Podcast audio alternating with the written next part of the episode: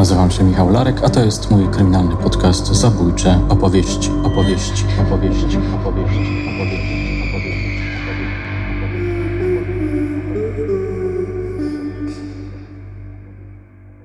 Jestem tam, gdzie się źle dzieje.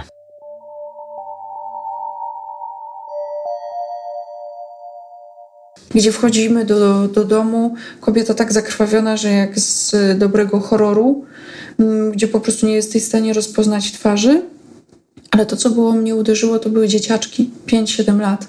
Jedno dziecko, ślady, siniaki na czaszce, na głowie. Drugie połamane żebra, rany, siniaki, krwiaki na ciele, nie? I w tym momencie siadasz i myślisz sobie, Boże, nie? Dlaczego?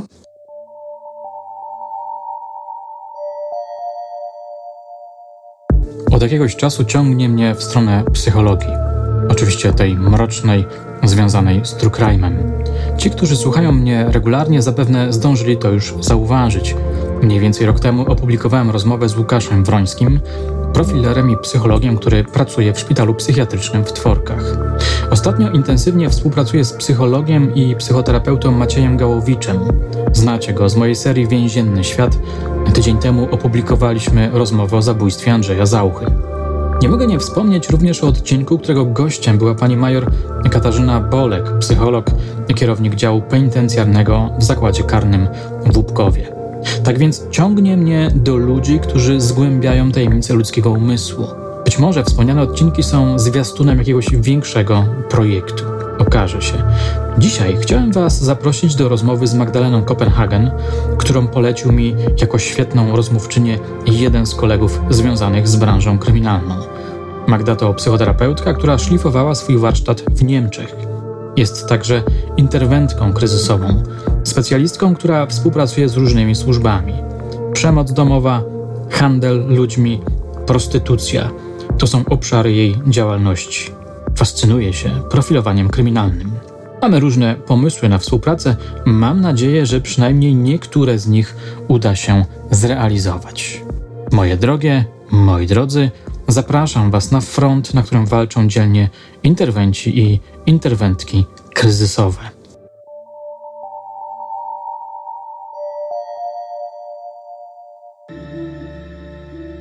Zacznijmy od tematu, który mm, bardzo mnie interesuje i który właściwie Ty przedstawiłaś jako taki podstawowy dla Twojej mm, działalności.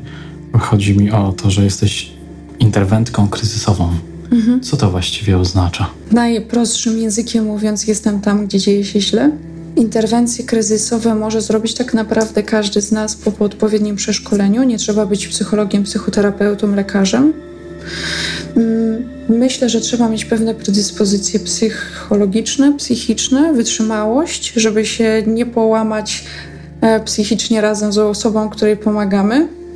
Interwent kryzysowy, tak jak nazwa wskazuje, pomaga w kryzysach, w kryzysach psychologicznych, a kryzysu psychologicznego doświadczamy, gdy mm, mamy sytuację, że coś nas przerasta że stajemy pod ścianą, nie wiemy, co zrobić dalej. Kryzysu psychologicznego możemy doświadczyć podczas wypadku samochodowego, w ogóle wypadków komunikacyjnych.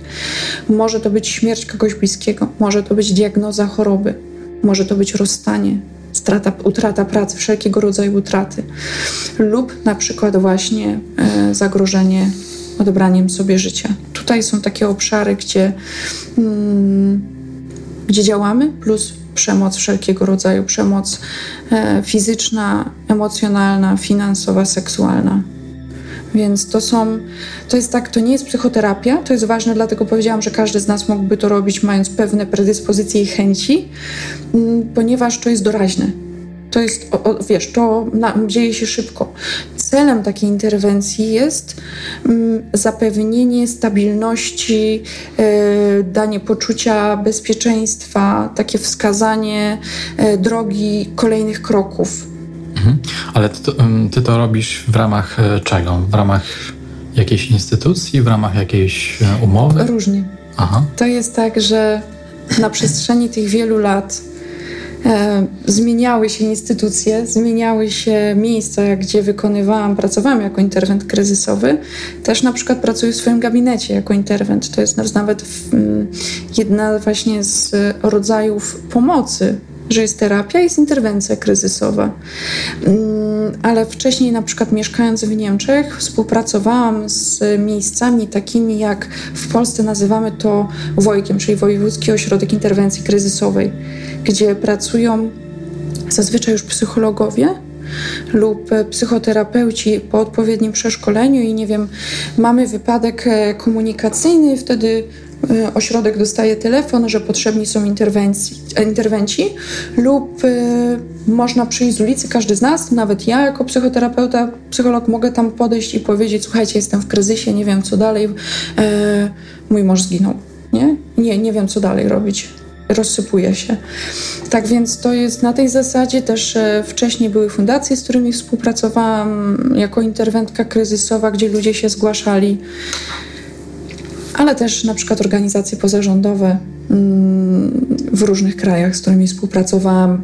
To, co robiłam, o czym się mało słyszy w Polsce, ja pracowałam i pracuję jeszcze od czasu do czasu o terenowy interwent kryzysowy i na przykład sytuacje, o których słyszeliśmy niedawno w mediach, czy to wypadek e, autobusu z Polakami w Egipcie lub e, teraz e, znowu autobus Chorwacji. w Chorwacji, tak, jadący do Medjugorje, tak? Dobrze mhm. pamiętam.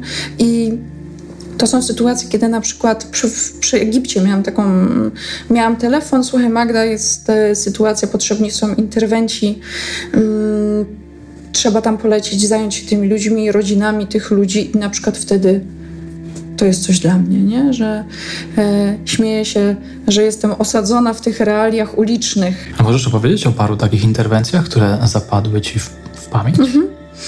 Jedna która mnie bardzo zaskoczyła i miała być krótką, szybką interwencją. Mm, to właśnie miało miejsce za granicą, gdzie kończyłam dyżur i Wychodziłam e, z miejsca, w którym pracowałam, zmęczona po całym dniu. E, akurat koledzy policjanci powiedzieli: Słuchaj, Magda, jest interwencja, pojedziesz z nami na pół godziny, szybka sprawa. To tak teraz głupio zabrzmi, szybka sprawa, dziewczyna siedzi w oknie, ale ją ściągniemy, będzie dobrze. No i ta szybka interwencja trwała 7 godzin, tak więc nie do końca szybko poszło, ale to jest właśnie też przykład na to, że nie można nic zakładać. I nawet jeżeli wszelkie znaki na niebie i na ziemi pokazują, że to jest to, to można się bardzo pomylić. Mianowicie jedziemy na interwencję, dziewczyna siedzi w oknie akademika w łazience. krzycząc, że chcemy jej coś zrobić, ona się nas bała. To też po paru, po jakimś czasie dopiero wyszło, że ona finalnie nie chciała skoczyć. W jej głowie miała coś takiego, że ją ktoś goni, że ją prześladuje. No to w tym momencie automatycznie psycholog, psycho, psycholog, psychoterapeuta powie, no to ma urojenia prześladowcze, to jest schizofrenia. Tak więc tutaj byliśmy już z nastawieniem, ok, dziewczyna ma schizofrenię. To miało miejsce w Szwajcarii. Przyjechał e, lekarz sądowy, który którego tak, taki tam jest taka procedura, który zarządził, słuchajcie, no dobra, bierzemy dziewczynę do szpitala psychiatrycznego na 72 godziny, żeby ocenić stan.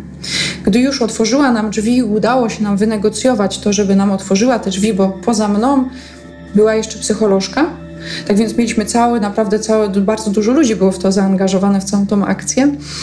I gdy już wszystko było dobrze, to zobaczyła tego lekarza sądowego, którego się przestraszyła, więc znowu zamknęła drzwi i znowu nam do tego okna, nie? I, i wiesz, i człowiek już myśli, bo generalnie podczas interwencji kryzysowych wyobraź sobie, że my mamy adrenalinę na maksa, nie? I to jest tak, że nie wiem, jak ja mam pacjenta 50 minut, no to tam masz kurczę, nie jest to 20 minut na maksa, ten mózg ci po prostu paruje i to jest ten moment, myślisz, o nie, już jest dobrze, już uratowaliśmy, nie? I ona znowu, dawaj, to samo.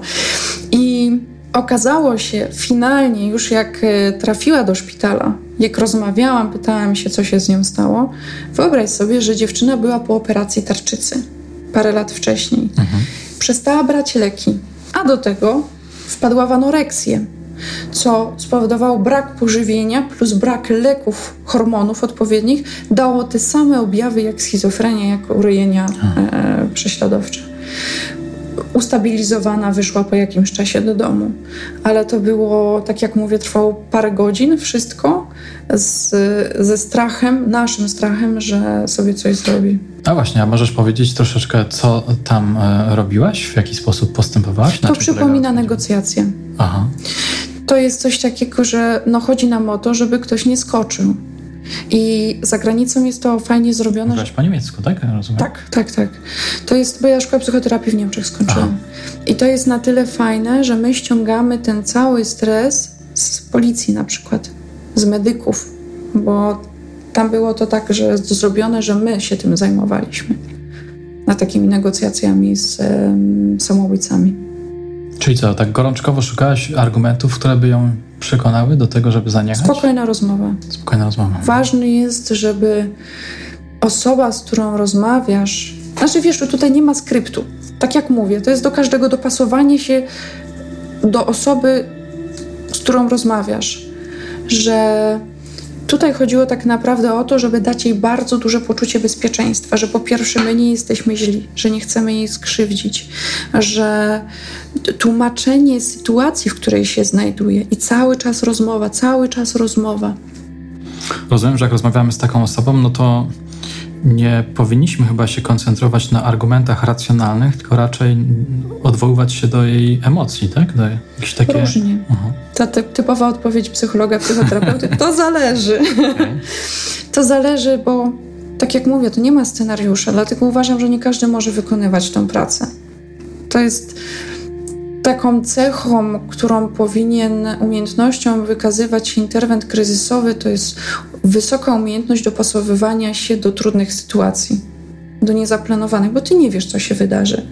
My nie wiedzieliśmy, czy ona na przykład broni nie ma tam, nie? I nie wiem, otworzysz drzwi i nie postrzeli kogoś albo nożem wbije. Bo w sytuacji, jeżeli ja się czuję zagrożona, to wyobraź sobie takiego e, psa, który był bity przez całe życie w schronisku, no to jak chcesz go pogłaskać, to ci ugryzie, nie? Na tej samej zasadzie, że jeżeli czujesz zagrożenie, to ty bronisz się. I tak jak mówię, wszystko, co się robi na maksa, to danie poczucia bezpieczeństwa i że ktoś jest ważny. O, to jest jeszcze istotne. Jak e, rozmawiam z osobami, gdzie jest wysokie ryzyko samobójstwa, no to to, co ja robię, to jest danie takiego poczucia: jesteś dla mnie ważna, jesteś dla mnie ważny. Niezależnie co się wydarzy, nie zostawię cię samego. No i tutaj jest ważne, żeby tą relację zbudować, żeby ten kontakt, że nie jesteś dla mnie po prostu kolejną osobą, która do mnie przychodzi, tylko jesteś teraz i tu dla mnie ważna. Była jakaś um, interwencja, z której jesteś szczególnie dumna, zadowolona? Generalnie, jak mi człowiek przeżyje, jestem dumna i zadowolona. Są interwencje, które więcej energii kosztują, gdzie naprawdę powiem ci, jak rozmawiam, ja nie wiem, jak to się zakończy. I czuję na przykład w takich momentach, to pamiętam takie sytuacje, gdzie czuję, jak mi po prostu mózg pulsuje, czuję ciśnienie na najwyższym poziomie, gdzie zalewa mnie gorąco. I myślę sobie, matko, ja zaraz, zaraz mi głowa eksploduje, bo to jest mieszanka adrenaliny, lęku, chęci pomocy, wszystkiego, nie? I tak jak mówię, ważenie praktycznie każdego słowa. Więc od takich spokojnego głosu, gdzie, tak jak mówię, daje to poczucie bezpieczeństwa, po taki konkretny, dyrektywny, tu się przydaje mi język niemiecki i uczenie się tego no tak. w Niemczech, gdzie ta dyrektywność musi być. I na przykład powiedzmy, wyobraźmy sobie przy teraz sytuacji, przychodzisz do mnie w wysokim kryzysie psychologicznym, mówisz, że nie chcesz żyć i to jest już koniec, w ogóle życie nie ma sensu, skaczesz, nie? I na przykład moim zadaniem jest utrzymanie cię przy życiu, to też nie powiem na przykład, panie Michale, czy zechciałby się pan napić wody? Nie, nie, nie. W tym momencie to będzie tak, proszę się napić wody. Nie, nie chcę. Proszę się napić wody. Tu jest szklanka. Proszę się napić wody. Wziąć łyka. Nie, więc to jest zupełnie, ten język jest, musi być dopasowany do danej sytuacji. Nie, i myślę, że nie ma nic gorszego, kiedy interwent przychodzi, to tak jak medycy opowiadają mi, szczególnie medycy pola walki, gdzie jest, o kurczę, nie, co to jest, o Boże, nie? Więc to też nie byłaby dobra sytuacja, kiedy ktoś mi coś opowiada i żebym złapała się za głowę i powiedziała, o Boże, co pani mi opowiada, nie? No tak.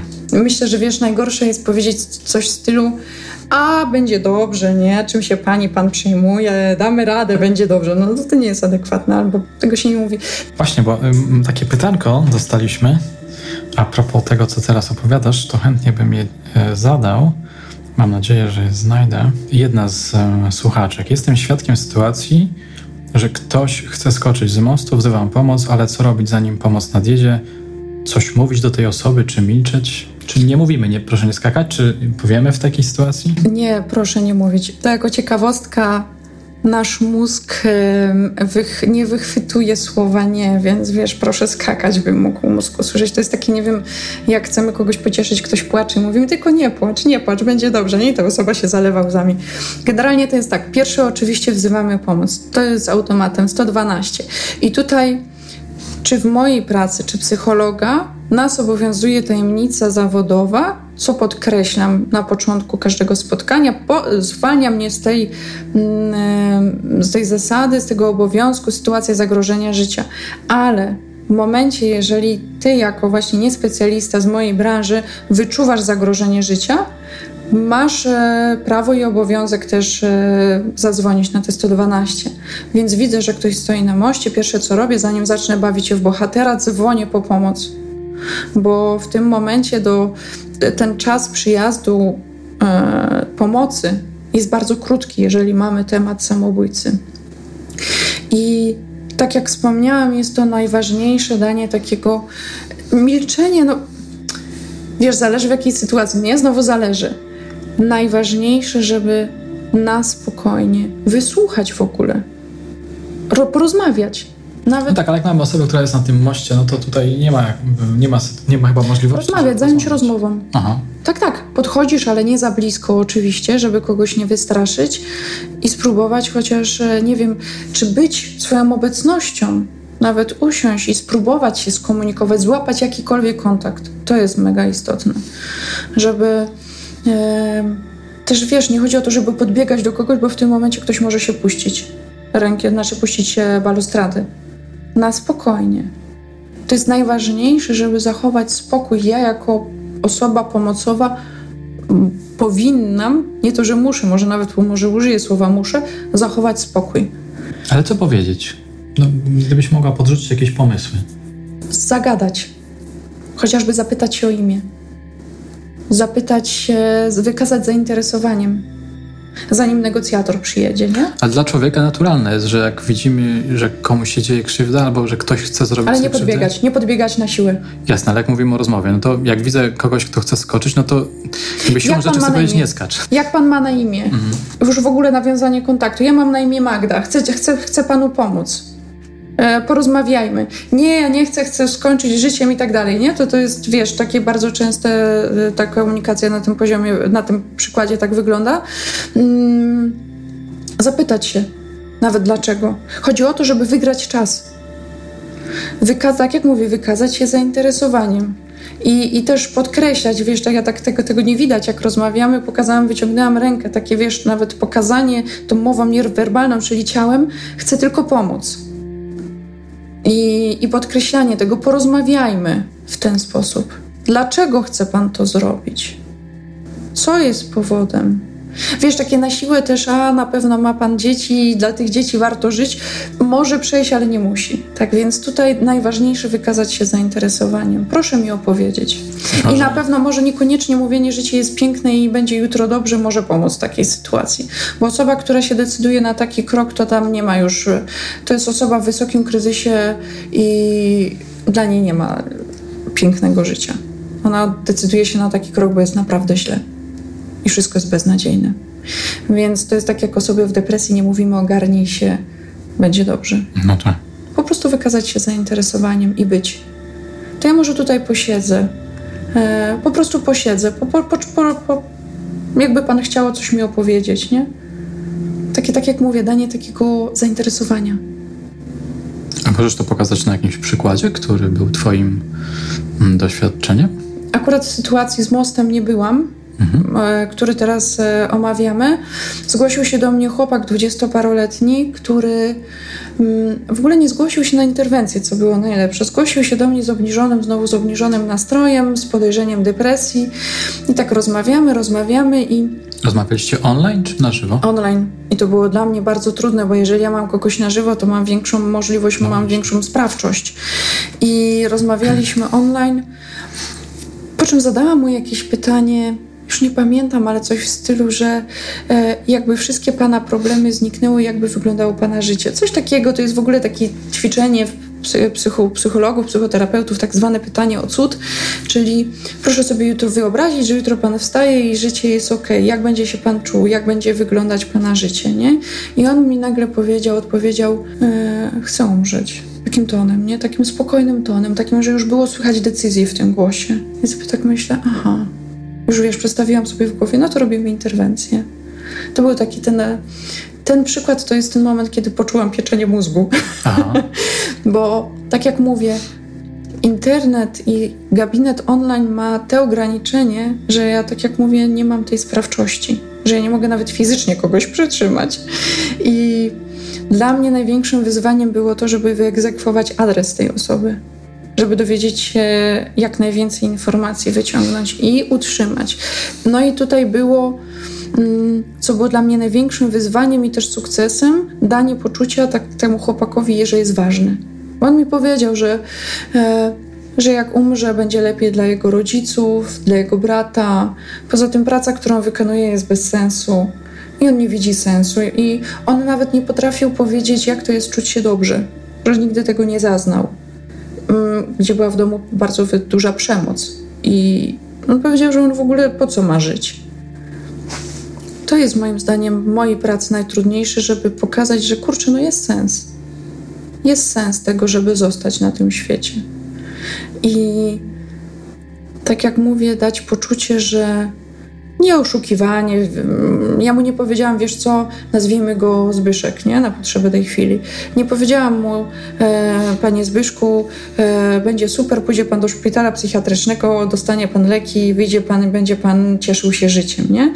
To chodziło o takie danie e, tej rozmowie, żeby nie stracić kontaktu.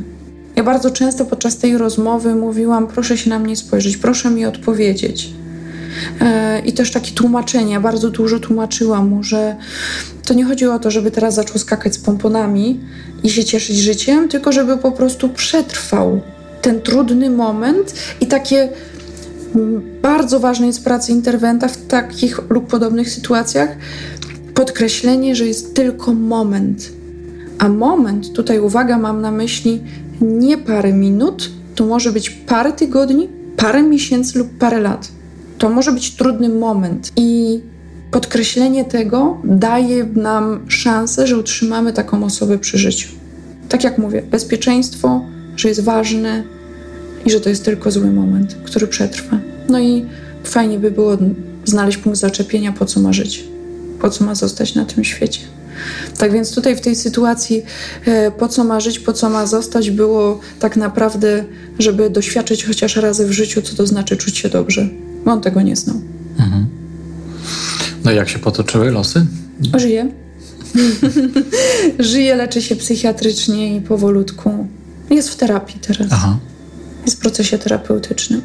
No ale ten proces terapeutyczny to też jest takie cały czas, e, mówię tak metaforycznie, że trzymanie go za kołnierz, żeby mi nie, nie skoczył. Przeciąganie liny trochę. Mm, Dużo mam młodych ludzi, którzy przychodzą. Teraz nie wiem, czy to taki efekt jest pandemii, czy um, takiego przebodźcowania i też życia w ciągłym pędzie. Dużo ludzi traci sens życia.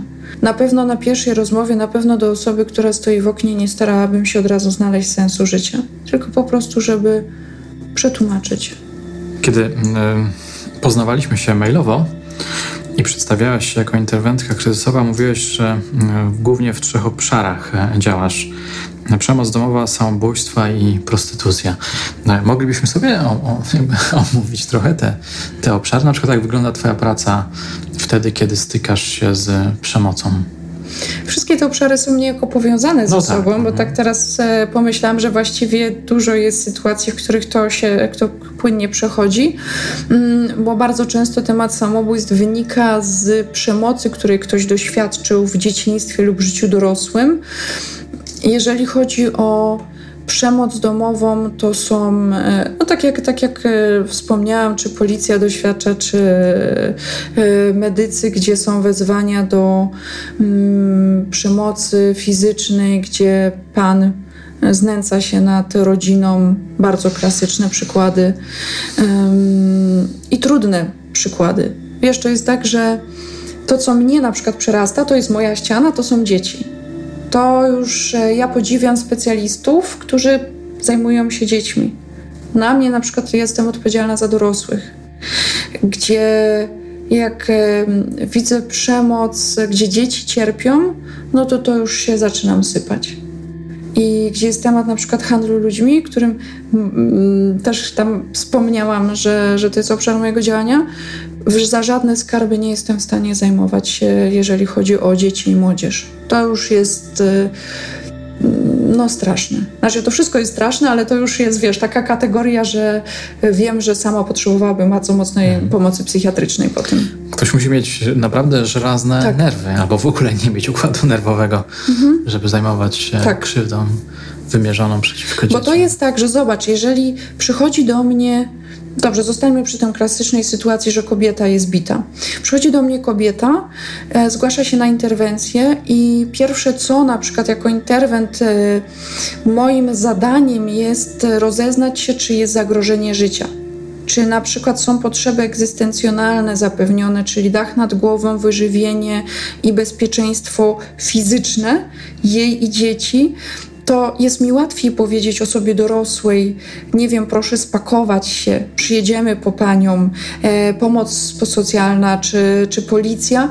A co powiesz takiemu nastolatce, czternastolatce, która mówi na przykład, e, że ojciec ją katuje albo matka? Przecież nie powie mi, proszę zabrać walizkę, nie?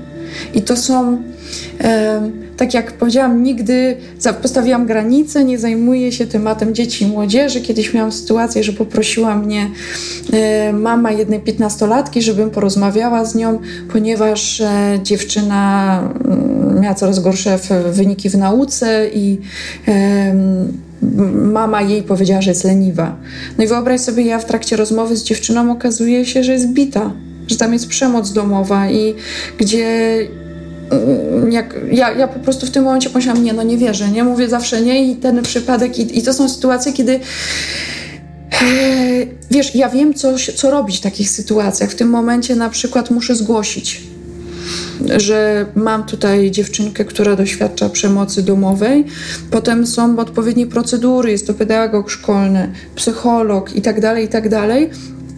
Ale tak jak mówię, uważam, że to jest jeden z najtrudniejszych działów, gdzie, jest, gdzie są dzieci, dzieci i młodzież. I to jest, wyobraź sobie teraz, jak na przykład przyjeżdża 112, przyjeżdża policja, przyjeżdża karetka, przyjeżdża straż pożarna i e, gdzie cierpią dzieci, to oni nie mają szczególnie dobrego przeszkolenia, że jak postępować w takich sytuacjach. Mają swoje kursy szkolenia, ale oni muszą pomóc. I, i tu podziwiam tych ludzi z całego serca, że muszą się odnaleźć jakoś w tej sytuacji. I wyobraź sobie, że masz takie dni, kiedy masz 12-godzinną służbę i na przykład masz 3-4 takie sytuacje, nie? To jest... Moja praca jest ciężka, ale tych ludzi jeszcze cięższa. Mhm. I tak jak mówię, fajnie jest to rozwiązane za granicą, że my częściowo ściągaliśmy już ten ciężar ze służb mundurowych, gdzie my byliśmy tymi osobami, które przyjmowały to na klatę. Jeden z trudniejszych, a propos przykładów e, przemocy domowej, to była sytuacja, kiedy pojechałam razem ze służbami na wezwanie. Była dwójka dzieci. Zgłoszenie, że przemoc domowa, kobieta pobita, dzieci pobite, nie? I dostajesz taką informację, ale ty nie wiesz, w jakim stanie są, co zastaniesz. Gdzie wchodzimy do, do domu, kobieta tak zakrwawiona, że jak z dobrego horroru, gdzie po prostu nie jesteś w stanie rozpoznać twarzy. Ale to, co było mnie uderzyło, to były dzieciaczki, 5-7 lat. Jedno dziecko, ślady, siniaki na czaszce, na głowie. Drugie połamane żebra, rany, siniaki, krwiaki na ciele, nie? I w tym momencie siadasz i myślisz sobie, Boże, nie? Dlaczego? Tak więc to są no, trudne sytuacje i moim zadaniem jest wtedy zaopiekować się Mm, osobami, które doświadczają tej przemocy. A agresor wtedy był w domu? Agresorem, tak, agresorem się zajęła już policja w tym momencie. A on był w domu, tak? Tak. Pod wpływem alkoholu i środków innych odurzających. I co ty wtedy robisz w takiej sytuacji? Interwencję kryzysową, to znaczy, że rozmawiam z uspoko- uspokajanie kobiety i dzieci, zapewnienie im właśnie znowu tutaj wracamy poczucia bezpieczeństwa. Że nie są sami, żeby się nie bali, bo wiesz, często jest co innego jak ja wchodzę, jestem cywilem, a co innego jak na przykład e, wchodzi policja, która już jest w mundurach, czy no wiesz, bardzo często są to mężczyźni. Wyobraźmy sobie, mamy matkę i dwójkę dzieci, dwie dziewczynki, no to one są już przerażone i dość przerażone tym, co się dzieje, to jeszcze dodatkowo służbami, które wchodzą. Więc moim zadaniem jest otoczenie opieką tych osób. I danie takiego e, właśnie poczucia, że poradzimy sobie, będzie dobrze, zajmiemy się wami, chcemy wam tylko pomóc. A jak mówiłaś o, mm, o samobójstwach, o sytuacjach związanych z samobójstwami, to, mia to miałaś na myśli sytuację, w której ktoś chciał popełnić samobójstwo, czy, czy to było jeszcze coś innego? Tak, to są, są e, powiedzmy, jest co innego mieć myśli samobójcze, a co innego stać na krawędzi. Mhm. Więc e, tutaj i tutaj nasz, mój obszar działania obejmuje to i to. W Polsce nie mam takich sytuacji, że jadę do takich ostrych sytuacji. Jeszcze nie mam, bo nie wiadomo, mam różne pomysły na swoje życie, zobaczymy, co przyniesie przyszłość. Ale za granicą miałam tak, że faktycznie pracując w tych różnych ośrodkach czy fundacjach byłam wzywana. Na przykład współpracowałam też z Caritasem, gdzie tam akurat to jest jeden z tych obszarów, który e, też e, liźniemy, czyli temat prostytucji, nie? I tam, no to tutaj to temat i przemocy, i temat i samobójstw, i środków odurzających, tak więc tutaj mamy całą paletę możliwości, wiesz, film wegi na żywo. I no, nie jest to łatwe, dlatego moim zdaniem e, nie to, że trzeba to lubić, bo to też nie jest adekwatne słowo, ale mm, mieć taką misję, wiesz, wyższe, żeby to miało wyższy sens, cel. To tak jak, nie wiem, lekarze, którzy ratują życie. Bo możesz wykonywać tą pracę, żeby zarabiać kasę i mieć prestiż, albo wykonujesz tą pracę, żeby faktycznie ratować kogoś bo jeżeli nie robię tego z pełnym przekonaniem, to bardzo szybko się wypalę. Jeżeli nie dbam o siebie, bardzo szybko się wypalę. I teraz okrutna rzecz, która, ale prawdziwa, nie jestem w stanie brać sobie każdej historii głęboko do serca, bo zwariowałabym. Ale się zdarza, Zdarza się, że niektórzy pacjenci uruchamiają we mnie jakieś takie instynkty misji. Mam obecnie dwie takie pacjentki i otwarcie to mówię. Też ostatnio mojej pacjentce, która jest zagrożona wysokim ryzykiem samobójstwa, powiedziałam, nazwijmy ją Zosia, pani Zosiu, stała się pani moją misją, żeby chce pani pomóc. I zrobię co, nie mówię zrobię wszystko, tak? Bo to by było kłamanie, oszukiwanie. Zrobię co w mojej mocy, żeby pani pomóc. Jeżeli jest temat przemocy domowej, zrobię, zrobimy wszystko, znaczy zrobimy co w naszej mocy, żeby Wam pomóc. Nie jesteśmy w stanie zrobić wszystkiego. I takie szczere podejście do tych osób, z którym pomagamy. Te interwencje związane z e, ludźmi, którzy chcą popełnić samobójstwo, e, częściej kończą się powodzeniem, czy różnie? Niepowodzeniem różnie. Jeżeli my mamy już interwencję, to znaczy, że my mamy szansę Aha. zrobienia czegoś. Ale ja nie mam gwarancji, że ta osoba, nie wiem, czy jak wyjdzie z mojego gabinetu lub po paru dniach na przykład nie pójdzie do lasu i się nie powiesi. Ja nie mam takiej gwarancji. Myślisz sobie często o tych ludziach, którzy wychodzą z twojego, z twojego gabinetu? Myślę. I tak. którzy... Myśl, nie wiem, czy powinnam, czy nie powinnam, ale tak oczywiście mhm. myślę. Myślę, bo tak jak e, no ja nie mam na co dzień aż tylu tych sytuacji. Wcześniej miałam więcej, jeżeli ja jeździłam na przykład już na jakiś kontrakt, gdzie miałam przez parę dni, no to miałam, wiesz, codziennie do czynienia z bardzo dużą ilością tych tematów, ale na co dzień tutaj, wiesz, e, mam więcej tematu depresji, zaburzeń lękowych, mm, mniej takiego zagrożenia, ale tak myślę. Właśnie to jest to pytanie, czy zrobiłam wystarczająco. Jak się żegnasz z osobami, które chciały popełnić samobójstwo, a dzięki Twojej działalności i ewentualnie Twoich współpracowników, jeśli to jest jakaś interwencja, gdzie są też inne osoby, um, co robisz wtedy? Co im mówisz? Na, na... Jest coś takiego jak kontrakt. Nie, ja nie mówię, że czasami faktycznie dochodzi do sytuacji, że podpisujemy z osobą, której pomagamy na interwencji kontrakt, że przeżyje, ale bardzo często jest to, ja głównie ustne kontrakty zawieram. To znaczy, że doprowadzam do takiej sytuacji, że dostaję jasno i wyraźnie, że usłyszę, tak, zobaczymy się za tydzień. Tak, nie odbiorę sobie życia. Pro, znaczy prosty. Jeden z przykładów tym chłopakiem, o którym wspominałam. Mm, jest coś takiego, że my nazywamy, że pacjent jest mobilny i immobilny. Mobilny to jest taki, że rejestruje, co do niego mówię, jest kontakt, a immobilny to jest, nie wiem, po sytuacji, gdzie są wypadki komunikacyjne i rozmawiam z kimś, kto doświadczył wypadku, zginęły trzy osoby w samochodzie, ta osoba przeżyła. Jest w ogóle coś takiego jak syndrom ocaleńca, ale to, to za chwilę. I ta osoba na przykład będąc w tak ogromnym szoku zaczyna mi opowiadać, że zostawiła ziemniaki włączone na gazie albo że musi jeszcze wyprasować ubranie. I to jest wtedy immobilność, wiesz, totalnie odklejona jest. Tak. Um, i to jest ważne, żeby na przykład w tej sytuacji, to dobra, to, to są takie, to jest ta immobilność, ale w sytuacji samobójców doprowadzić do sytuacji, kiedy ja przy tym chłopaku, tak jak mówię, to był internet, mówiłam, spójrz się na mnie, spójrz, bo potem już przeszłam na ty, to był młody chłopak i spójrz się na mnie, proszę się na mnie spojrzeć, widzimy się za tydzień, odwracał wzrok i znowu, jak taka Katarynka, wiesz, zaciętą płytą, ja mówię, nie odpuszczę, dopóki nie usłyszę, nie? Można powiedzieć, że się tak nie robi. Mm, z jednej strony nie powinno się wymuszać na pacjencie kontraktu, ale to zależy bo osoby może, które będą nas słuchać, jeżeli są interwentami, powiedzą, no to tutaj nie jest to etyczne, jeżeli powinnam wywierać takiego nacisku. Na litość boską, ja chcę, żeby ten człowiek przeżył. No tak. Zasady zasadami, ale ile razy to łamie się te zasady, jeżeli chodzi o ludzkie życie. I fajnie by było, gdyby nie była taka presja potrzebna, gdzie ja na przykład mówię, Panie Michale, w takim, i też są takie sytuacje, w takim razie chciałabym się z Panem umówić, że do następnego naszego spotkania nie odbierze sobie Pan życia. Dosłownie, my to nazywamy dosłownie. To nie jest takie owijanie w bawełnę, że no, gdyby Pan miał takie myśli, no wie Pan te myśli, to Pan sobie tego nie zrobi. Nie, nie, nie. Gdy pojawią się myśli o odebraniu sobie życia, zawsze zadaję pytania na przykład, żeby rozeznać się, jak jest wysokie zagrożenie, czy pojawiły się myśli, kiedy to zrobię i jak to zrobię.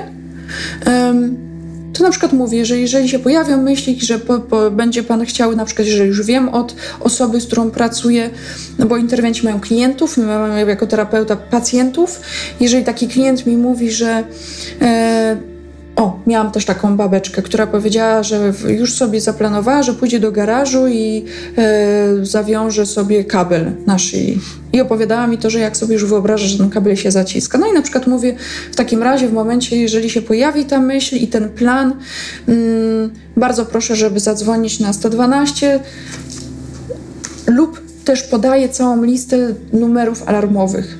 Nie zostawiam takiej osoby samej sobie Zawsze ta sama procedura u mnie jest, jeżeli jest zagrożenie. Umawiam się, taki kontrakt za, za, mm, zawiązuję, daję listę telefonów kryzysowych i mówię o 112. Też e, pacjenci zagrożeni samobójstwem mają taką możliwość dzwonienia do mnie 2-4 na dobę, e, 7 dni w tygodniu, to sama wiem, że sama sobie robię. Mm, nikt mi tego nie każe, ale ja chcę. Na szczęście nie mam dużo takich sytuacji, ale to jest właśnie we mnie ten altruizm i ta potrzeba ratowania. To jest najważniejsze, tak jak mówię, mi przyświeca cel, żeby ta osoba wróciła, żeby przeżyła. Moi znajomi po fachu mm, bardzo często krytykują moje metody pracy, że jestem zbyt dyrektywna. Aha. Co się śmieje, że pobyt 10 lat w Niemczech ma swoje piętno, odciska. Dyrektywna czy niedyrektywna, ja to nazywam, ja na swojej liście czarnego punktu nie mam. Ważne, że skuteczny.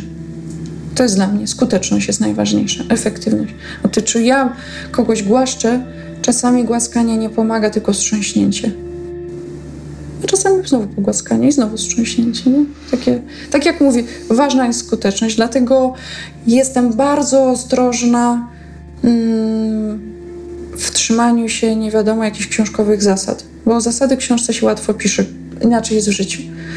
Wiesz, jak na te wyjazdy, które jeździłam i teraz już coraz mniej jeżdżę, ludzie przyjeżdżają i po paru godzinach potrafią wyjechać z powrotem do domu, przyjechać pół świata i wracać, bo nie wytrzymują.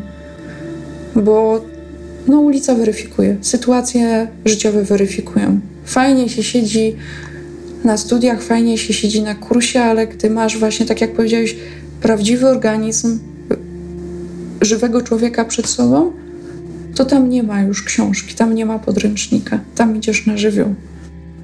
No na mnie duże wrażenie zrobiła opowieść znajomej policjantki, która mm, jako młoda policjantka jeździła do patologicznych domów, żeby odbierać dzieci.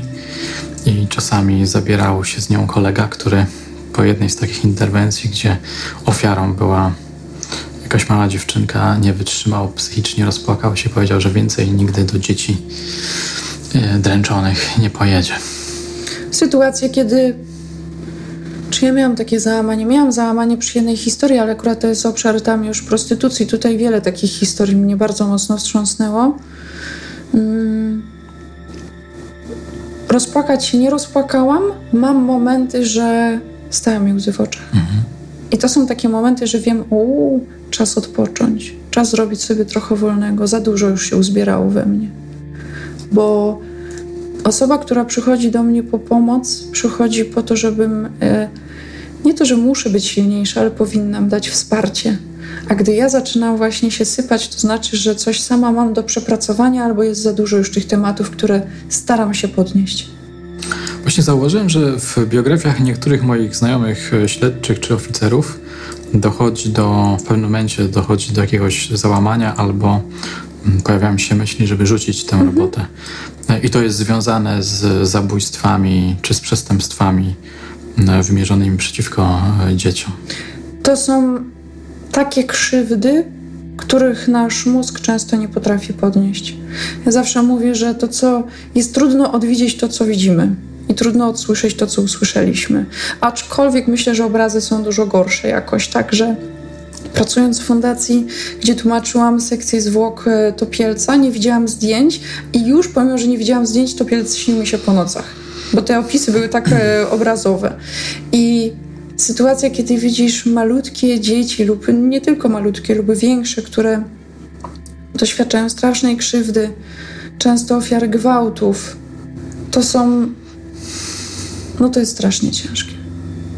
I gdzie słyszę na przykład od, e, tak jak mówię, często się zaczyna tak niewinnie, że ktoś się zgłasza na terapię, bo e, też e, słyszy od kogoś tam, że jestem osobą, która potrafi podźwignąć trudne tematy. Fakt jest, że chcę naprawdę w przyszłości tylko się zajmować traumami PTSD, czyli zespołem stresu pourazowego, Dlaczego tak jest, nie jestem w stanie uzasadnić, po prostu czuję, że to jest obszar działania, gdzie się odnajduję. I gdzie, gdzie chcę pomagać bardzo. A tak jak mówię, często zaczyna się tak niewinnie, że jest obniżony nastrój, że są problemy ze snem, a tak przy okazji to mam podejrzenie zespołu stresu pourazowego. Ja wiem, mm, a czy coś się wydarzyło w przeszłości, co mogło wpłynąć na pani, pana obecny stan? No tak, jestem dzieckiem pedofila. No i tak sobie siedzisz i myślisz, o kurczę, nie? I z taką twarzą pokerową wtedy mhm, to czy jest pani, ma pani w sobie gotowość, żeby opowiedzieć, czy pan o tym, nie? I zaczyna się rozmowa. Miałaś taki przypadek? Tak, dużo. Dużo? Dużo. Do mnie zbieram plony. Wiesz, przez ten obszar mojej działania właśnie przy temacie handlu ludźmi, to jest tak, że nie wiem, czy znajomi mm, psychiatrzy czy specjaliści, czy mundurowi, z którymi współpracuję, wiedzą, jakie mam doświadczenie w jakim obszarze i też polecają mnie. Bo ja sobie nie wyobrażam jej jako, powiedzmy, jeżeli byłabym ofiarą gwałtu, że idę do pierwszego, lepszego terapeuty, bo też ja rozumiem, że nie każdy potrafiłby to podnieść, to co usłyszy. Nie tak jak mówisz, że się rozpłakał. A co jest najlepsze a propos PTSD i zespołu stresu pourazowego, to nie jest tak, że każdy z nas tego doświadcza, żeby było jasne, bo będziesz mieć 10 osób biorących udział w trudnej akcji i tylko na przykład dwie się posypią. Mm, nie ma recepty. Dlaczego? Na pewno to, do czego zachęcam, to budowanie odporności psychicznej już wcześniej, znajomość samego siebie, dbanie o odpoczynek. Bo tak jak mówię, jeżeli ja już e, czuję, że te łzy coraz częściej mi napływają do oczu, albo na przykład zaczyna mnie, zaczynają mnie ludzie denerwować, tak, uwaga, ale zdarza mi się, że już jest tego za dużo, to wiem, o, muszę odpocząć, bo to idzie w złym kierunku. I wyobraź sobie, że wtedy na przykład bym nie uchwyciła tego jestem wezwana do strasznego wypadku samochodowego, gdzie są worki, gdzie są ludzie bez kończyn, i bach, wtedy na przykład jest ryzyko, że będę miała zespół stresu pourazowego, rozpłaczę się i zamiast ja ratować innych, będą mnie ratować. Czyli też na to będzie wpływać umiejętność, znajomość samego siebie, samoświadomość dbania o siebie. Nie, żeby, żeby nie posypać się razem z tymi, bo będziemy po drugiej stronie. Ale to też nie ma się czego wstydzić, bo większość medyków, większość prac, e, e, pracowników e, ze, z zawodów pomocowych sami są straumatyzowani i mają. Hmm. To nie jest tak, wiesz, ja też mam ciężkie momenty. Tylko tyle, że dbam bardzo mocno o higienę psych psychiczną. I, ale też swoje PTSD przeszłam, więc wiem, co to znaczy. Doskonale wiem, co to znaczy. A propos ofiar gwałtów, to tak. I, i pedo... no, tak jak pierwszy raz usłyszałam ofiara, że jestem ofiarą pedofila własnego ojca, to były takie o Boże, nie. Od razu ma się taką, ja na przykład mam taki odruch, chciałabym przytulić powiedzieć, będzie dobrze, nie pomogę ci. Przytulasz swoich? Nie, nie, nie, nie. nie Podaję rękę. Nie chcę. Wiesz, to nie jest... E, to jest różnica współczuwanie i empatia. Bo współczuwanie to ja z tobą współczuję, siedzę i z tobą płaczę. Ja to jako twoja koleżanka mogę e, przytulić się i powiedzieć, słuchaj, damy radę, nie? Ale jako specjalista to jednak ja nie chciałabym nawet idąc do psychiatry, żeby mnie przytulała, nawet jeżeli byłaby taka adekwatna sytuacja, nie? Że można w tym momencie chciałabym, ale potem... Mm. A powiedz trochę o swojej działalności związanej z, z interwencjami w przypadku prostytucji. Mhm. Przypadek, nie przypadek, jak to się zaczęło, jak wyjechałam do Niemiec, e, pracowałam jako fotograf. I pracowałam w agencji modelek i któregoś dnia przyszła dziewczyna, która miała złamaną rękę, podbite oko i ja oczywiście, matka Teresa, co ci się stało, ja ci pomogę. Okazało się, że dziewczyna miała Alfonsa i była zmuszana do prostytucji i tak wiesz... Yy, krok po kroku wchodziłam w ten świat, y, zaczęłam współpracować z różnymi organizacjami pomagającymi w Polsce. Jest to na przykład La Strada, która pomaga ofiarom handlu ludźmi. I, ale zawsze wiedziałam właśnie, że dzieci nie, tylko jak już to e, temat i prostytucji, i wykorzystywania pracowników do pracy, gdzie na przykład, nie wiem, jedziesz na truskawki, a zabierany jest ci paszport i pracujesz, żeby sobie zapracować.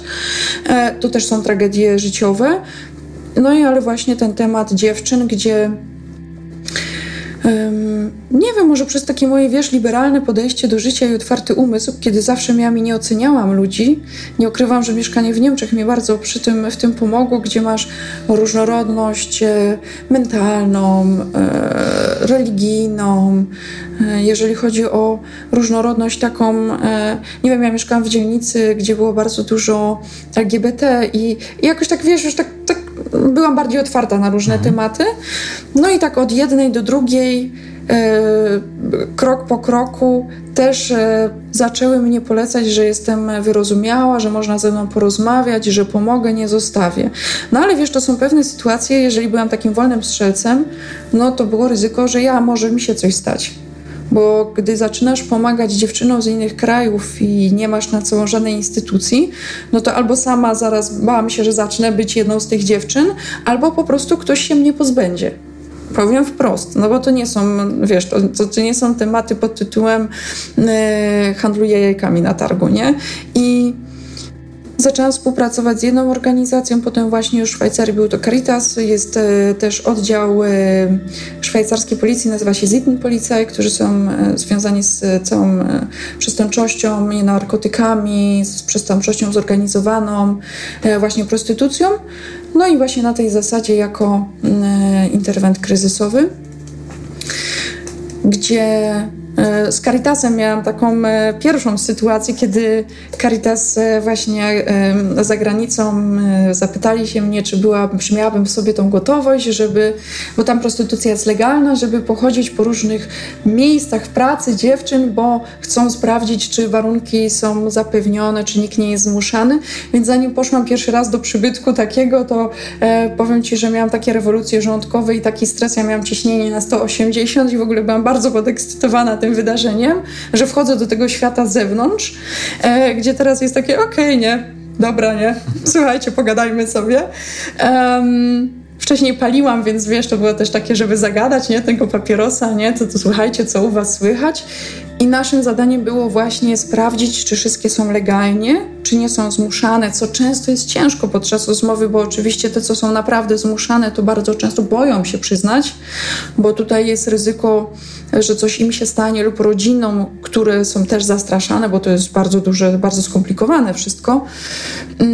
A interwencje polegały tam właśnie na zadbaniu o to, o ich zdrowie psychiczne, o to, żeby dać właśnie powiedzieć, taka edukacja, psychoedukacji było tam bardzo dużo, że nie są zostawione same sobie, że e, to nie jest tak, że słuchaj, te dziewczyny żyją w ogromnym wstydzie, nawet te, które decydują się na to dobrowolnie, ale życie się tak poukładało, że nie wiem, historia jednej kobiety, to było w Niemczech, to była akurat Niemka. Mąż zaciągnął kredyt na setki tysięcy euro, zostawił ją z dziećmi, zniknął, nie? No i nagle, wiesz, zostaje dziewczyna i nie ma co zrobić, no to co robi? To spróbuje w ten sposób, nie? I takie, takie pokazanie też, kurczę, no jest to straszne, to, co cię spotkało, czyli bardzo dużo wyrozumiałości, bo te dziewczyny są mega wyczulone na ocenę, plus takie my ci pomożemy.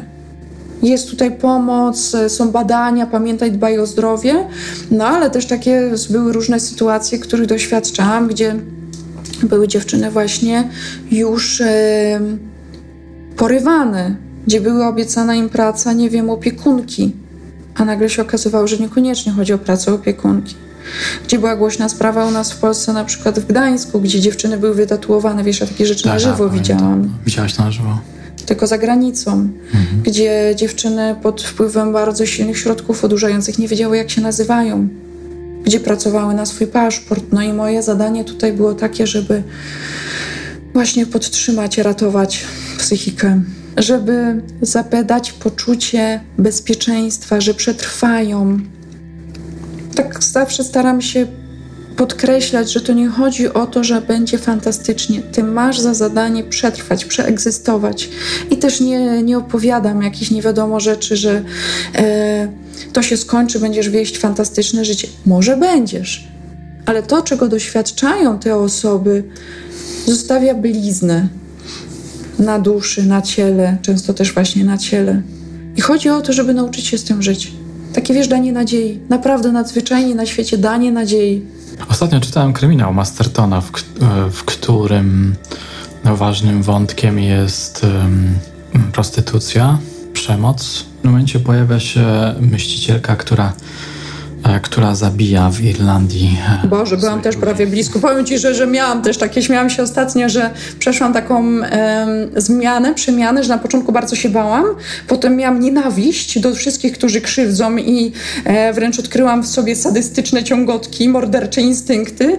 Teraz to już jest takie, wiesz, takie stabilne po paru latach, że bardziej jestem taka, mm, obserwuję, już wiem, co zrobić, no ale też miałam taki etap, że naprawdę chciałam być, wiesz, e, takim... Pomścić samozwańczym y, bohaterem i, i mścić, tak, pomagać, mhm. mścić. Ale y, chciałem zapytać, to powiedziawszy, y, czy powiedziałem to dlatego, że mam pewną intencję. Chciałem zapytać, czy spotkałaś się z takim przypadkiem albo z takimi przypadkami, że ktoś doznaje różnych krzywd albo obserwuje doznawanie przez innych krzywd i no, chce się jakoś pomścić, zemścić.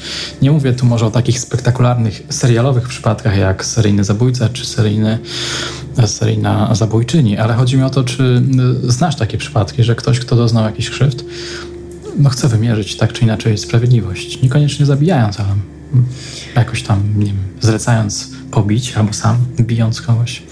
O zlecaniu nie słyszałam. Mm, ale niestety wiem po sobie, że sama miałam takie sytuacje, że bardzo chciałam wymierzać tą sprawiedliwość na oprawcach, gdzie zdarzało się, że koledzy trzymali mnie, jak rwałam się do, wiesz, z pięściami, a że nie, nie należy do najmniejszych i najbardziej kruchych istotek, to tak, wiesz, jak z rozpędem. Wcześniej trenowałam Krav Maga, więc e, też potrafię Dobrze się, potrafię się obronić i no ale wiem, że niektórzy na przykład znajomi ze służb różnego rodzaju mieli sytuacje, kiedy nerwy im puszczały i mm, nie to, że nie dochodziło do żadnych morderstw, ale mhm. do pokazania, że źle zrobili ci ale, oprawcy. Tak ale, dyplomatycznie chciałam. Przyjmuję tę wiadomość, natomiast mi chodzi troszeczkę może o co innego. Czy w świecie realnym, nie w świecie filmów, seriali, y, powieści, zdarza się tak, że mm, ofiara zamienia się w kogoś, kto jest y, przemocowcem, ale nie chodzi mi o to, że dziedziczymy po prostu tendencję do bycia agresywnym, tylko chodzi mi o to, że w pewnym momencie jakby zamieniamy się w kogoś, kto jest agresorem, ale tę agresję wymierza w, przeciwko złym ludziom. Bezpośrednio nie spotkałam się z taką osobą, ale są to prawdziwe historie. Aha. Jeszcze filmowe historie na jakiejś podstawie też powstają, no tak. więc są inspirowane bardzo często prawdziwymi wydarzeniami i owszem, gdzie na przykład, nie wiem, e, ofiara przemocy domowej, może niekoniecznie bezpośrednio wtedy ofiara, ale na przykład członek rodziny ofiary chce wymierzyć tą sprawiedliwość. Albo e, no też ofiarami przemocy domowej są mężczyźni gdzie potem na przykład chce się mścić i wymierzać sprawiedliwość e, kobietom. Gdzie się staje na przykład każdy z nas w odpowiedniej sytuacji może odkryć no, bardzo ciekawe pokłady agresji albo nawet instynkty mordercze, jeżeli na przykład czuje zagrożenie życia. I osoby takie właśnie z ofiary może się stać e, agresorem. Oczywiście, że tak.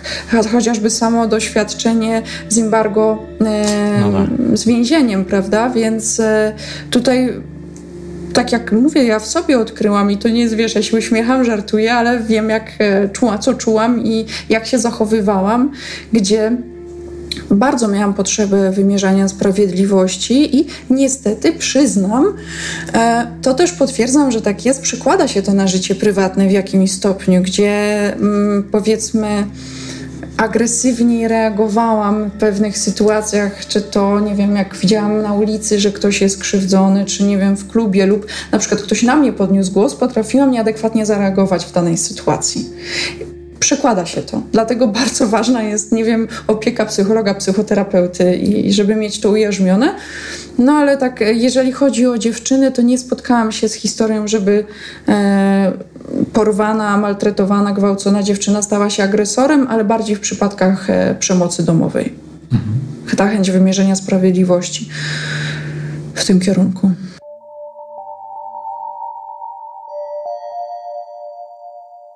Mówiłaś o odkrywaniu w sobie różnych mm -hmm. pokładów, różnego rodzaju energii e, psychicznej. E, chciałem Cię zapytać, i to jest takie pytanie mm, bardziej uogólniające. No właśnie, zajmujesz się psychiką już od jakiegoś mm, czasu, zanurzasz się w niej, w różnych psychikach.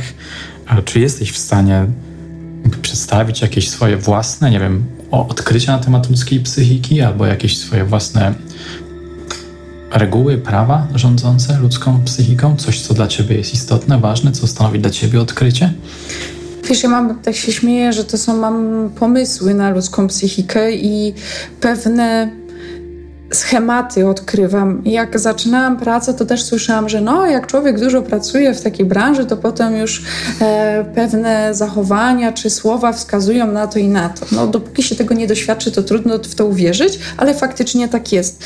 Z tym, że tak jak mówię, ja też jestem zwolenniczką, że psychoterapeuta czy psycholog dobrze jest, jak się wyspecjalizuje w pewnych tematach, tak jak na przykład lekarze mają specjalizację, że nie to, że wszystko robię na hura i gdzie te moje obszary to jest właśnie trauma, ten stres półrazowy, depresję, samobójstwa gdzie moje, e, gdzie wy, w, bardziej się koncentruję na pewnych zachowaniach. I tak jak mówisz, to na przykład poprzez to, co mnie fascynuje, na maksa fascynuje, to jest właśnie psychosomatyka, czyli e, psyche, psychika i somatyka nasze ciało, na podstawie, jak ktoś już mi opowiada, na co choruje, to sobie buduje w głowie, aha. aha, to teraz zapytam o to i o to i o to, no i mam potwierdzenie, że podejrzenia mi się sprawdzają, bo pewne choroby wskazują na pewne przeżycia w naszym życiu. To jest niesamowite. Podaj jakiś przykład już w latach 50., to teraz tak naukowo, została zrobiona lista tak zwanej Holy Seven, czyli świętej siódemki chorób psychosomatycznych. Na przykład um, zapalenie reumatoidalne stawów, astma, zaburzenia hormonalne, um, wszelkiego rodzaju generalnie choroby skórne. Teraz dochodzi do tego, nie wiem, depresja, zaburzenia lękowe. Jeżeli ktoś mi na przykład przychodzi mi dziewczyna i mówi, a jeszcze na przykład e, problemy z jelitem. Przychodzi mi dziewczyna, to jest prawdziwa historia, mówi tak, e, zgłasza się wysłana przez psychiatrę z depresją, no i rozmawiamy, rozmawiamy. Ja zawsze tak bardzo całościowo podchodzę do zdrowia i pytam się, czy cierpi na jakieś choroby.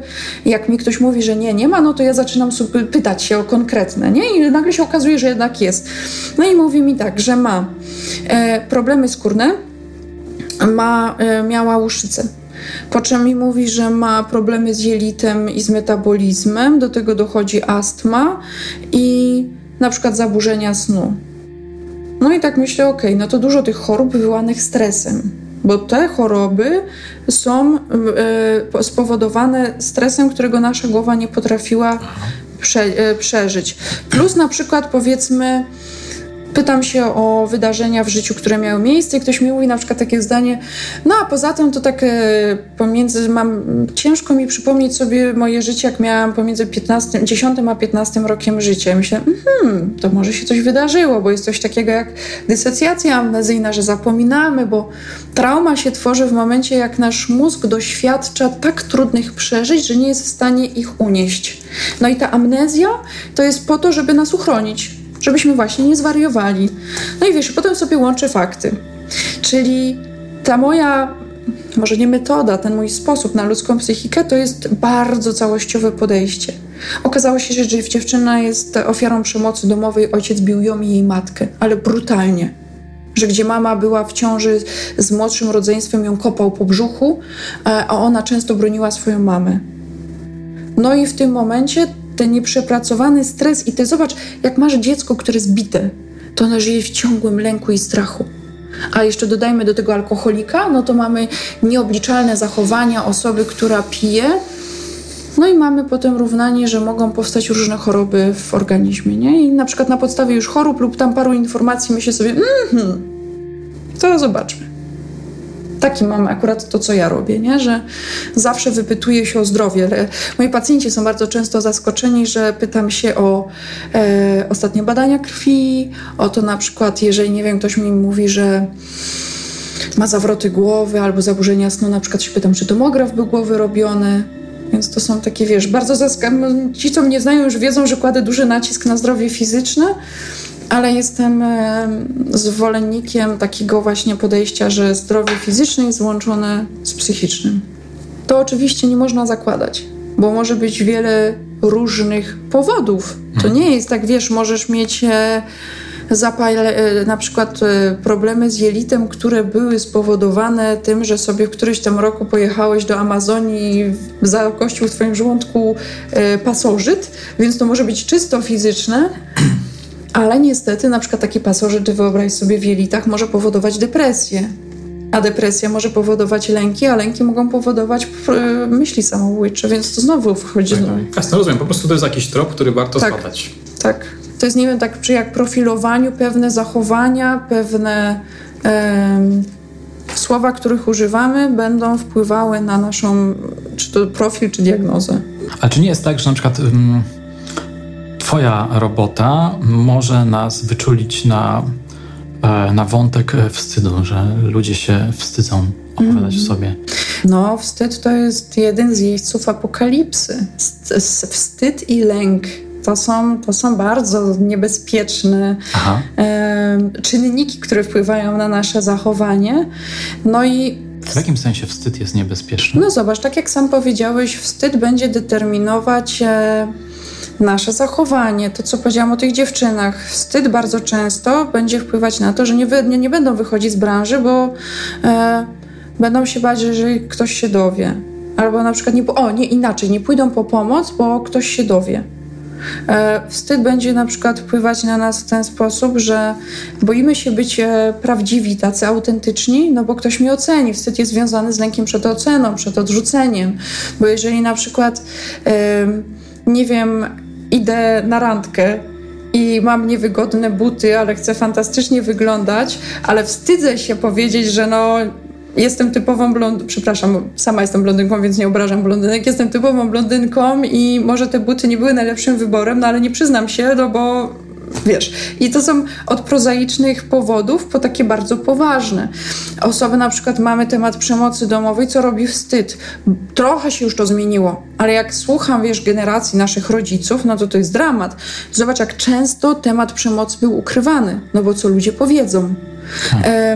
W szkole na przykład przecież nie powiem, że mój tata bije mamę albo pije, no bo co w szkole o mnie pomyślą. I zresztą często wtedy było, tylko nikomu nie mów. Ojcowie swoim córkom mówi, mówili, żeby nie zgłaszały gwałtów na przykład na milicję, no bo to będzie wstyd tak. na mieście czy na Tak, dokładnie. I wstyd no, ogromnie wpływa na nasze życie i zachowanie. Wstyd równa się lęk jest, e, co mamy całą wiktymologię, wiesz, całe w ogóle e, jest, e, czytam, niestety nie, nie znam po polsku tej książki, ale właśnie Zaufaj swojemu lękowi tytuł jest. I gdzie pracuję z ludźmi, jak mają w sobie bardzo dużo lęków, boją się czegoś, no, jedną z lepszych recept jest pod tytułem Zaakceptuj swój lęk, nie? Ale to jest tak strasznie trudne, że łatwo się mówi, ale bardzo trudne do wykonania, gdzie sama miałam, słuchaj, taką sytuację, że bałam się czegoś, że, bo podjęłam taką czy inną decyzję w swoim życiu związaną z moją robotą właśnie. Um, naprawdę miałam problemy ze snem, bo tak strasznie się bałam, co będzie, jeżeli to wyjdzie, co będzie, co sobie, co w ogóle, jak moje życie będzie dalej wyglądać. No i koleżanka psycholożka też mi mówi, zaakceptuj swój lęk. Ja mówię, aha, bardzo śmieszne, nie? Jak mam zaakceptować coś, że moje życie może się skończyć, reputacja i tak dalej, nie? No i w tym momencie, powiem Ci, to bardzo dużo kosztuje pracy w głowie, żeby wyjść z tego wstydu.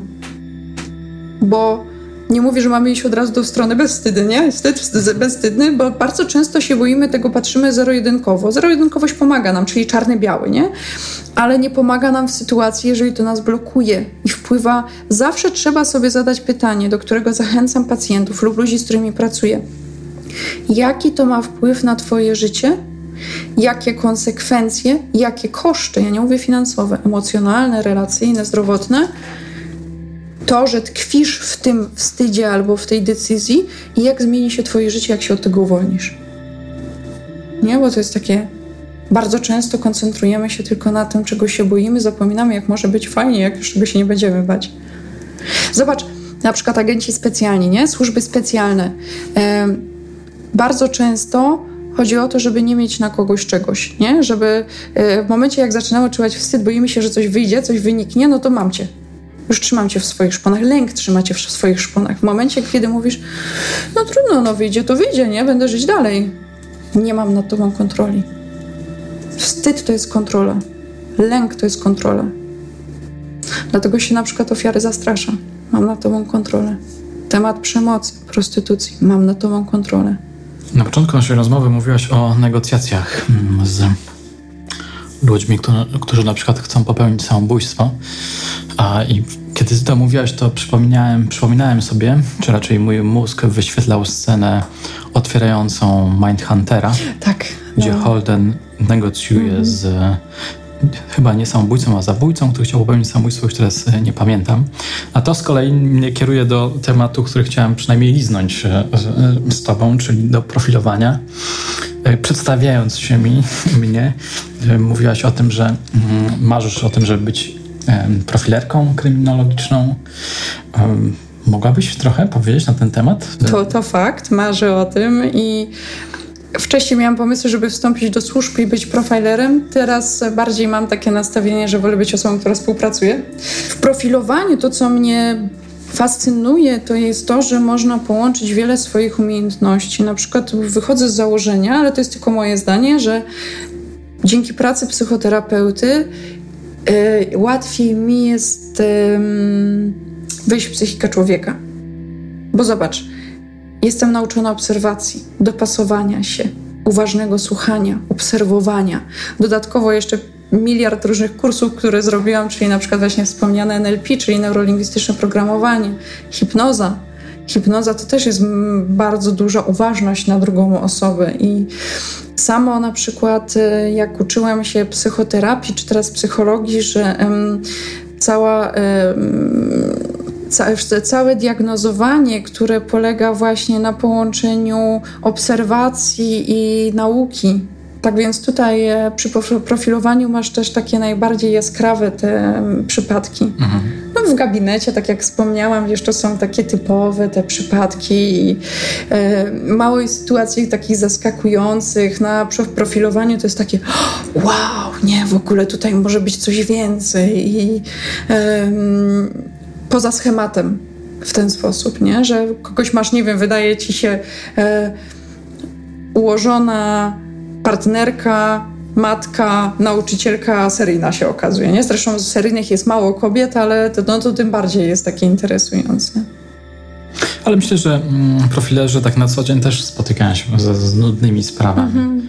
A takie naprawdę ciekawe, fantastyczne przytrafiają się. Smaczki takie, Smaczki. nie? Jeszcze tak jak w psychoterapii czy w psychiatrii, na przykład zaburzenie osobowości wielorakie. No, to jest bardzo rzadki przypadek. To, są, to trzeba mieć, że tak powiem, szczęście, żeby trafić na takiego pacjenta. Um, tak samo, tak jak mówisz, w profilowaniu, że to nie jest tak bardzo często, to są takie typowe. Um, typowego przestępcy albo gangstera, albo nie wiem, e, to co rozmawialiśmy to a propos, że to są narcyzi, ale też bardzo często psychopaci i nie wiem, e, psychopaci nie trafiają do gabinetów e, psychoterapeuty, ponieważ, znaczy nie mają kryzysów psychologicznych, ponieważ ich mózg jest inaczej zbudowany. Więc to też jest taka, jako taka ciekawostka. I na co dzień z mojej zwykłej pracy gabinetowej bym nie miała okazji z tak jak skrawymi przypadkami się spotkać, tylko dzięki pracy właśnie tej interwenta. Mhm. Więcej, więcej, większej ilości przypadków doświadczam i uczę się. Podczytujesz sobie książki o profilowaniu? Mhm. Oczywiście. I co wyciągasz z nich e, dla siebie, dla swojej. Na co zwracać uwagę? Bo zobacz, tak naprawdę profilowanie czy stawianie diagnozy to, tak jak wspomniałam, moim zdaniem jest połączenie dwóch rzeczy. Mianowicie nauki plus obserwacji. To tak samo szczerze, testy psychologiczne to jest kartka, to są pytania. A największe, najwięcej możemy wyciągnąć z rozmowy z kimś poprzez obserwację i rozmowę, ponieważ jest mało mm, sytuacji czy przypadków, że są tak właśnie podręcznikowe, takie lecą skryptem. I można popełnić błąd, o którym już wcześniej wspominam, jeżeli wychodzimy z założenia, że dobra, to jest to i to. A tu nie, trzeba wchodzić głębiej, obserwować, słuchać. Czujesz się czasami, kiedy pracujesz nad jakąś osobą, nad psychiką tej osoby, i próbujesz mm, zdiagnozować problem albo przycz raczej przyczynę, jak, nie wiem, detektyw, agent FBI, jakiś profiler? Mhm. Lubię doszukiwać się powodów. To jest tak, że bardzo często przyczyna stanu zdrowia nie jest tak naprawdę bardzo znacząca, jedynie pozwala lepiej zrozumieć. I czy to właśnie w diagnozowaniu, czy profilowaniu, umiejętność zadawania pytań i słuchania bardzo fajną rzecz kiedyś usłyszałam takie zdanie, że zadając komuś pytanie, powinniśmy zapomnieć o swoich odpowiedziach. No tak. To jest takie, myślę, takie clue, czy w Twojej pracy, czy w mojej pracy, czy w pracy profilera, bardzo istotne, żeby wyostrzyć zmysły i wychwytywać te niuanse. Mm, pytasz, czy, czy w mojej pracy jako detektyw? Tak, w ogóle miałam też pomysł, żeby być detektywem jest inna sprawa. Wieloraką. Ja się nie potrafię. Nie, nie, nie, nie, nie. Aczkolwiek, wiesz, jak jestem interwentem, śmieję się, że jestem inną Magdą, nie? Właśnie jestem taka bardziej dyrektywna, e, e, surowa, bardziej taka, no, bardziej taka niemiecka w tym wszystkim.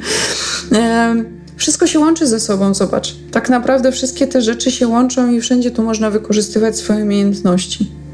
A to chciałem cię zapytać o jedną rzecz, tak teraz mi przyszło do, do głowy. Mm, wcześniej mówiłaś o tym, że byłaś kiedyś fotografem. Mhm.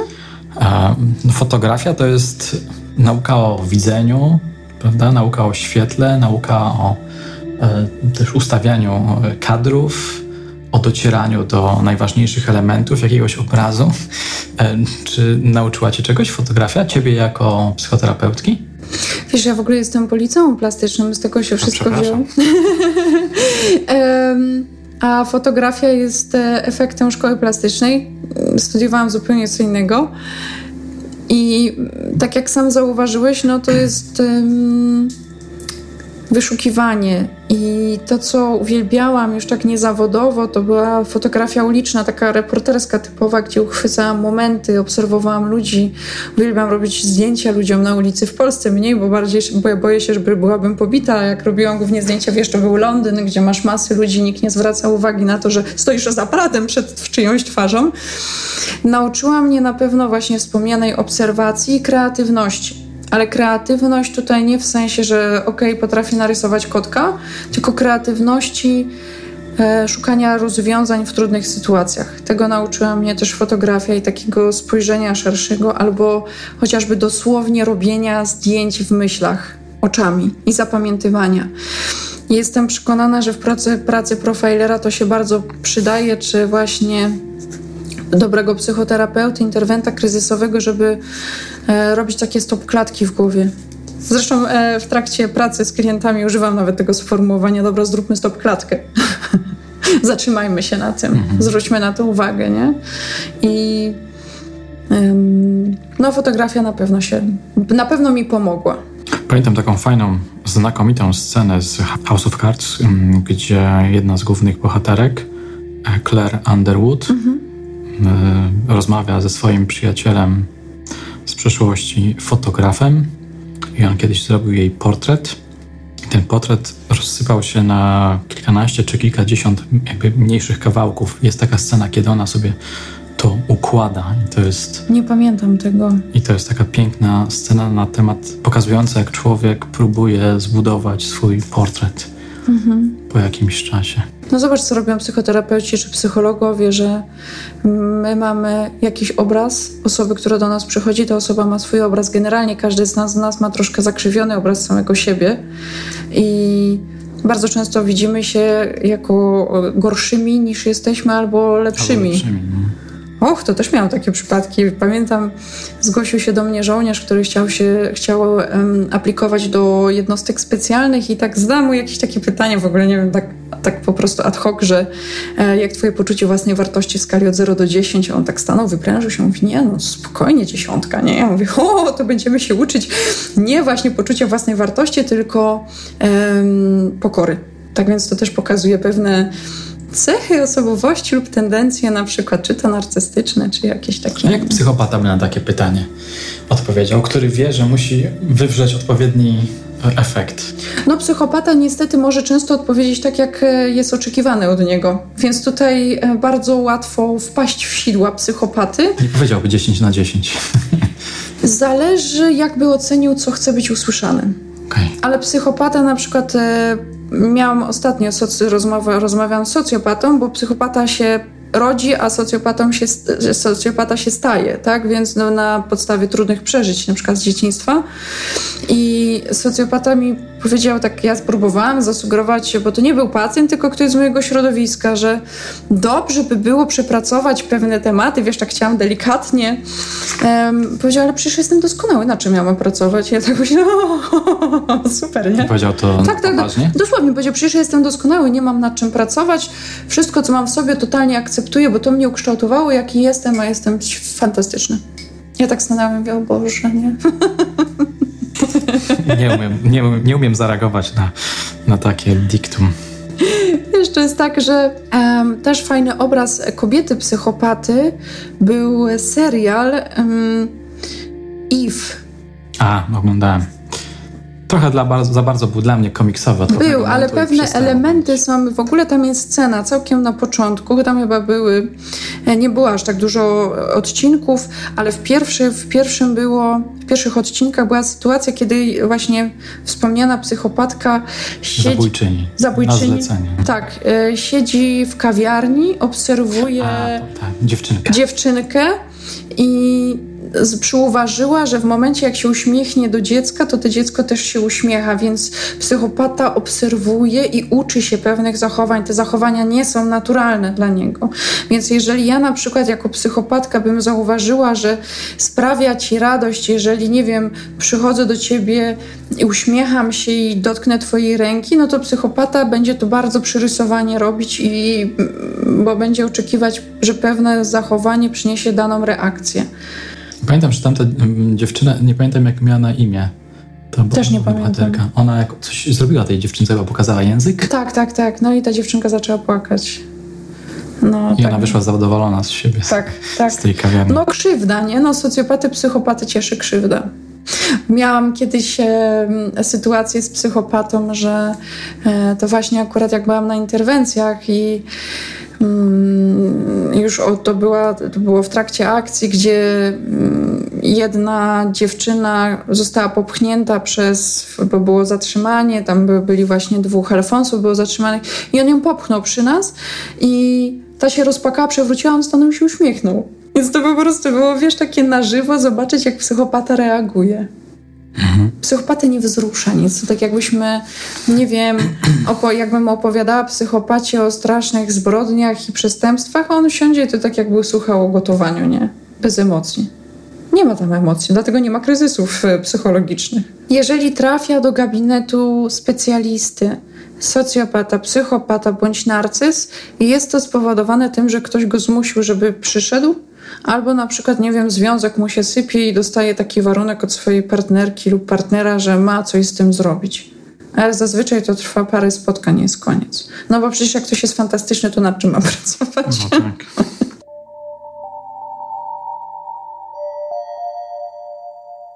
Będziemy kończyć, chociaż można by jeszcze dalej ciągnąć tę rozmowę naszą. Obiecaliśmy sobie, że będziemy kontynuować te nasze rozmowy. Mam nadzieję, że do tego dojdzie. Jednym z takich tematów, który mieliśmy mm, wrzucić na warsztat, to jest handel z ludźmi. To pomyślałem sobie o tym, żebyś może przedstawiła, zasygnalizowała, zrobiła taki zwiastun, o czym będziemy rozmawiać, kiedy poruszymy temat handlu e, ludźmi. Na pewno na jakichś jaskrawych przykładach ale też chciałabym, żeby ta nasza rozmowa była taką przestrogą i na co uważać. Żeby mhm. samemu taką ofiarą się nie stać, bo niestety każdy z nas ma na to szansę. Słuchaj, no właśnie, handel ludźmi może nam się kojarzyć z czymś niewiarygodnym, nieprawdopodobnym, z czymś, co jest domeną filmu, serialu, e, powieści, ale jak rozumiem, sugerujesz, że to też jest codzienność. Oczywiście. W którą możemy jest, wpaść. To jest przerażające, że w naszych czasach to jest właśnie norma. Zdarza się i to bardzo często. Wspomniany wyjazd na truskawki może się zakończyć tym, że zostaniemy zamknięci gdzieś i zmuszani do pracy.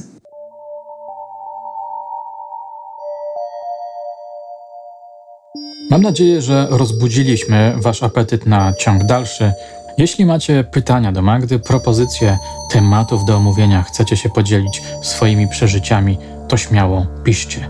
Na dzisiaj to wszystko. Dziękuję za uwagę. Do usłyszenia już niebawem.